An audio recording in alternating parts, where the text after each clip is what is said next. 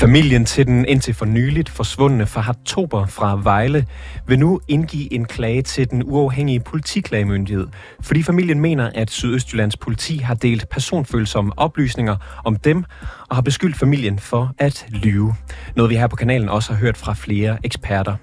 I dag kan vi også fortælle, at endnu en af Sydøstjyllands politis forklaringer om at dele oplysninger om familien kan være for svag.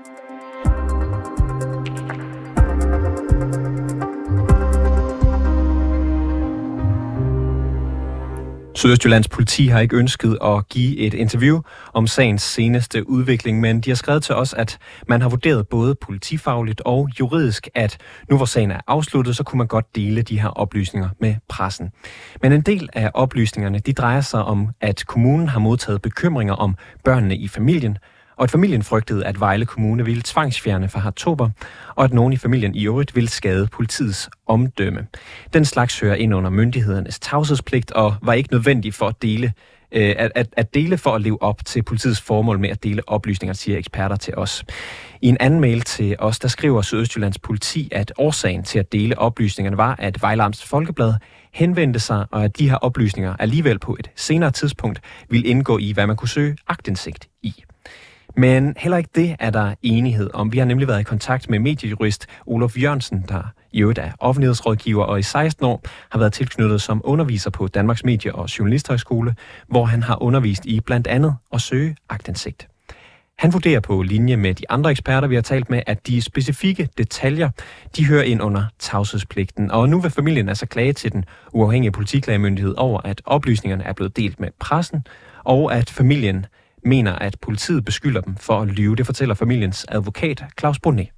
Det, der, det, der jo går på, det er jo mest beskyldningerne. Det er jo det, at, hvad hedder det, der hvor jeg ser, at der er noget at efterforske i den sag, der er politiet anklager den her familie for noget. Øh, og, og nemlig, at, hvad hedder det, at øh, de har løjet og skjult oplysninger om den slags. Så det kan man sige, det er jo ikke noget for mig. Men, men ellers har der jo været rimelig meget offentlighed omkring sagen, må man jo sige. Men det der spørgsmål, det er om politiet, de må øh, beskytte en borger for at lyve. Har du og øh, nogen fra familien talt om øh, de her øh, mange punkter, som Sydøstjyllands politi har offentliggjort fra øh, eftersøgningen, og om der er nogle af de oplysninger, som, øh, øh, som krænker familien? Ikke meget, altså.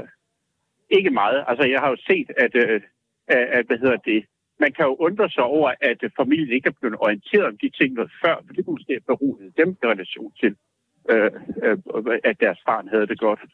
Okay, så alt det der, øh, der er kommet frem, det er ikke noget, familien har vidst før?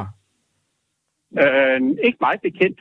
Altså det, som jeg jo er inde over, det er spørgsmålet, om politiet de er gået for langt, når de beskytter politiet, øh, familien for at lyve. Det er det, vi beder du dem om at undersøge. Altså, det er jo ikke alle advokater, som råder deres klienter til at klage til øh, den uafhængige politiklagemyndighed, da det jo er en proces, der tit tager lang tid, og øh, der bliver ikke udtalt kritik i særlig mange sager, øh, som bliver behandlet hos øh, politiklagemyndigheden. Har du øh, rådet familien til at gøre det her, eller kommer det på deres eget initiativ? Øh, det er deres eget initiativ. Okay.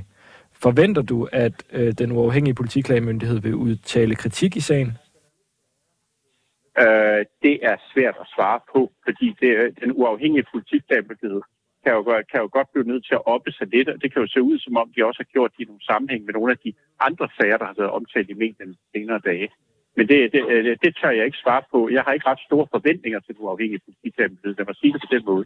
Sådan fortalte altså familiens advokat, advokat Claus Bonnet til min kollega Jeppe Aumann Øvig.